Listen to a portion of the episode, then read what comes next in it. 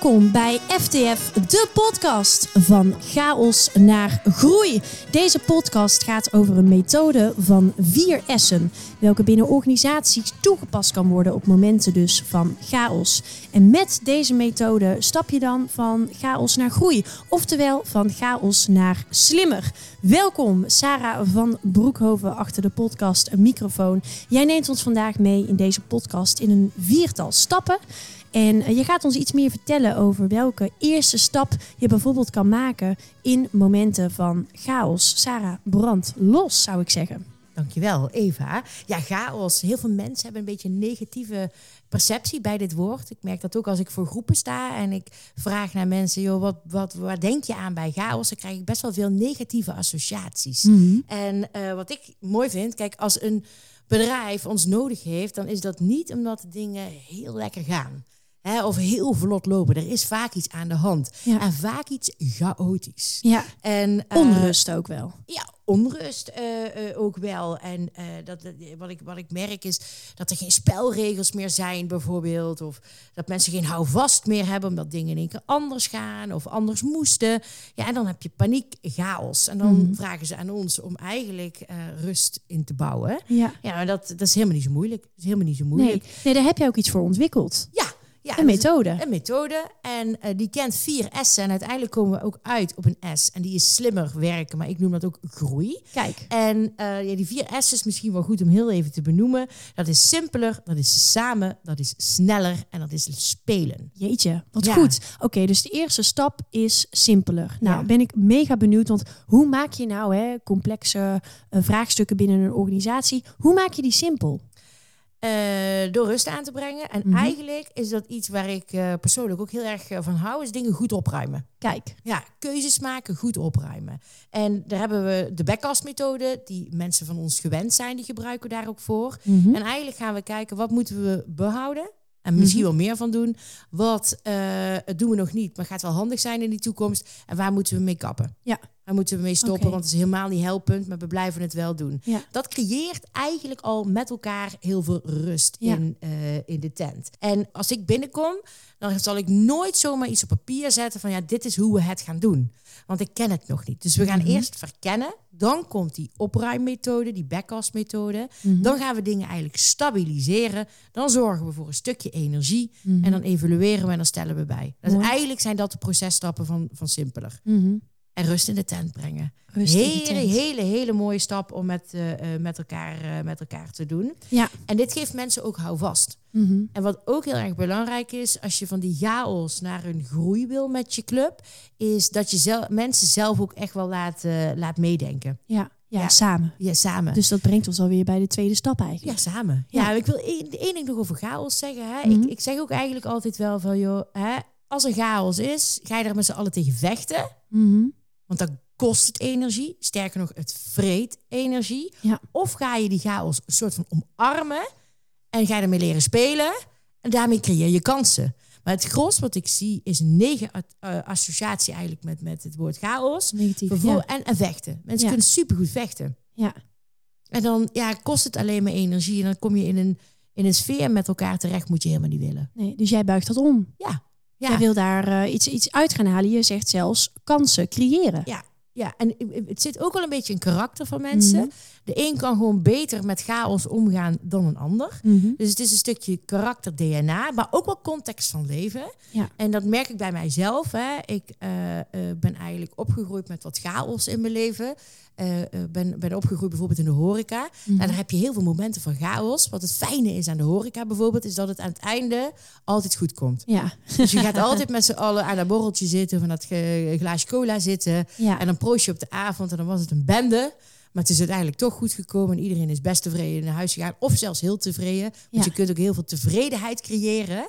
Als je hè, gasten of klanten in chaos hebt en je weet dat te fixen naar kansen. Nou, dan heb je de meest tevreden klanten eigenlijk Ja, eh, van, de wereld. Heel Ja. En ook wel privé denk ik dat ik daar wel wat groei in heb mee mogen maken. Hè? Nou, dat weet jij. eh, ik heb best eh, jong, eh, samen met mijn zus, kwam de zorgrol anders te liggen. Voor mijn ouders zorgen. En er kwamen dingen op ons pad ja, die je eigenlijk liever niet hebt. Mhm. En daarmee kwam ook zorg voor mijn ouders. En dat was gewoon heel veel chaos. Ja. En elke keer een beetje hoop. En dan gingen we ergens naartoe. En dan kreeg je weer wat nieuws. En dan was er weer chaos. En Mhm. ja, eigenlijk zijn wij daardoor best wel bekwaam geworden in goed omgaan met chaos. En En het managen van die chaos. Managen van die onrust. pas dat toe.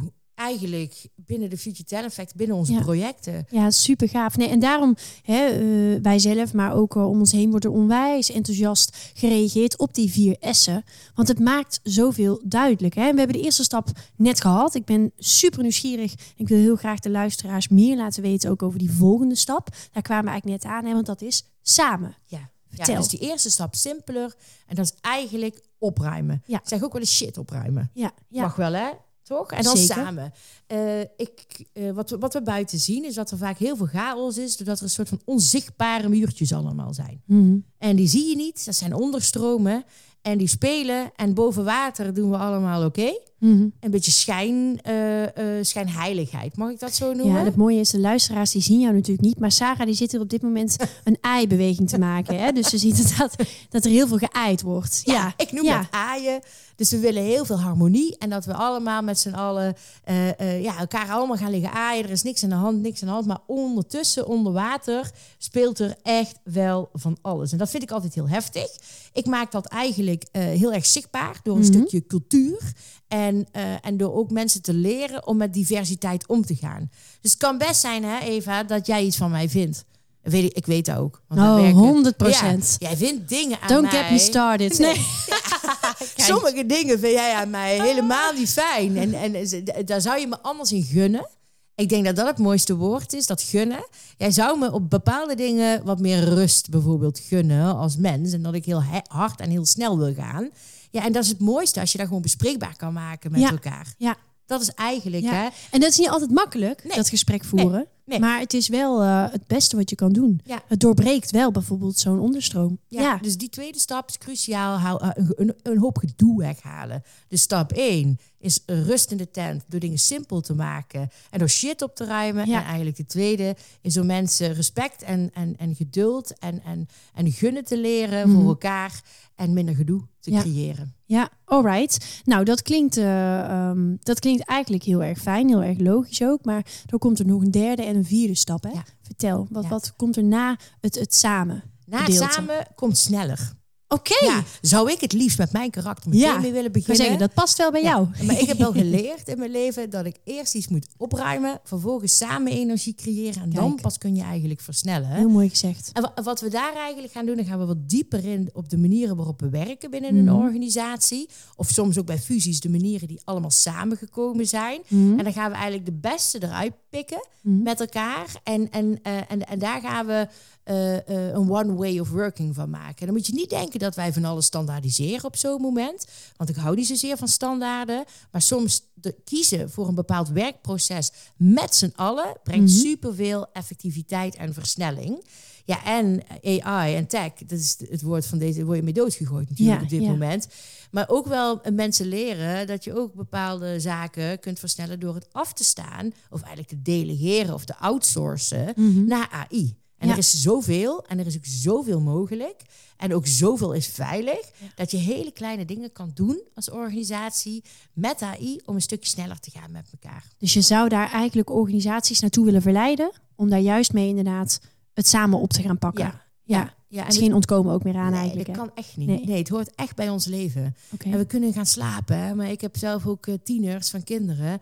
Die zijn er echt super vlot mee. Hè? En het Mhm. gaat ook wel om de goede balans. En dat zie je ook al in eh, een stukje onderzoek wat we hebben gedaan naar AI. En de impact op de, op de workforce. Hè? Ik geloof altijd daarin in de verbinding dat je mensen nodig hebt voor de high touch. Mhm. En dat je AI nodig hebt voor de high tech.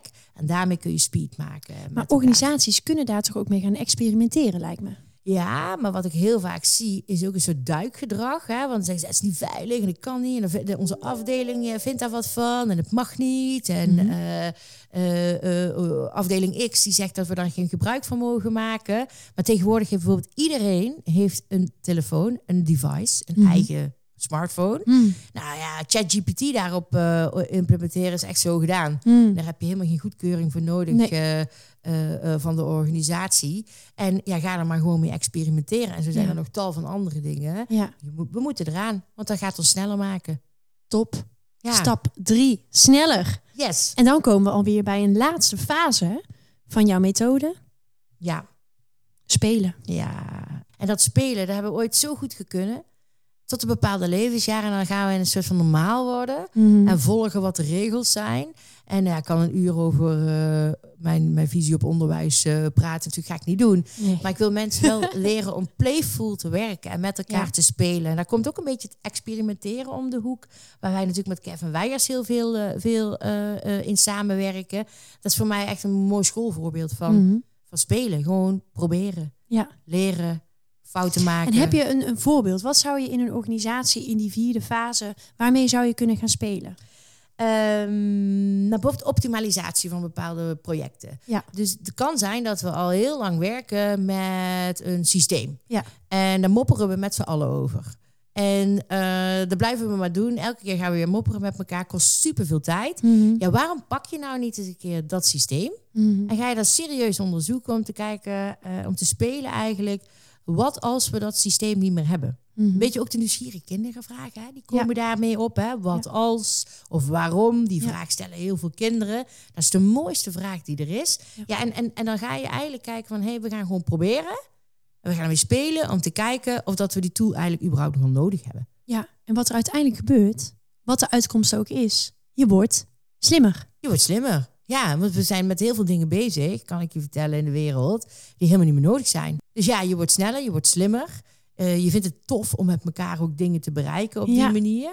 Ja, en dan vervolgens ga je groeien en word je slimmer als mens. Helder. Kijk, Mooi verwoord, hè? Saar. En ehm, ja, ik ben eh, heel erg blij dat we dit even met elkaar zo hebben kunnen eh, bespreken. Zodat de luisteraar ook mee heeft kunnen genieten van, eh, nou eigenlijk jouw energie ook wel hè, binnen zo'n eh, binnen zo'n methode. Hoe dat je dat aanbiedt bij zo'n organisatie, wat er allemaal bij komt kijken. En dit is eigenlijk nog maar het begin, hè? Ja, Ja, ja, ja. Maar Duidelijk. vooral niet te moeilijk maken. niet te moeilijk maken. Nee. Chaos. En ga ons omarmen. omarmen, meer rust in de tent. Door middel van opruimen, samen met elkaar, een one way of working, sneller worden, experimenteren, oftewel spelen met elkaar en daardoor naar een slimme organisatie toe groeien. Ja. Alright, de Nou. 4S-methode, daar gaan we voor.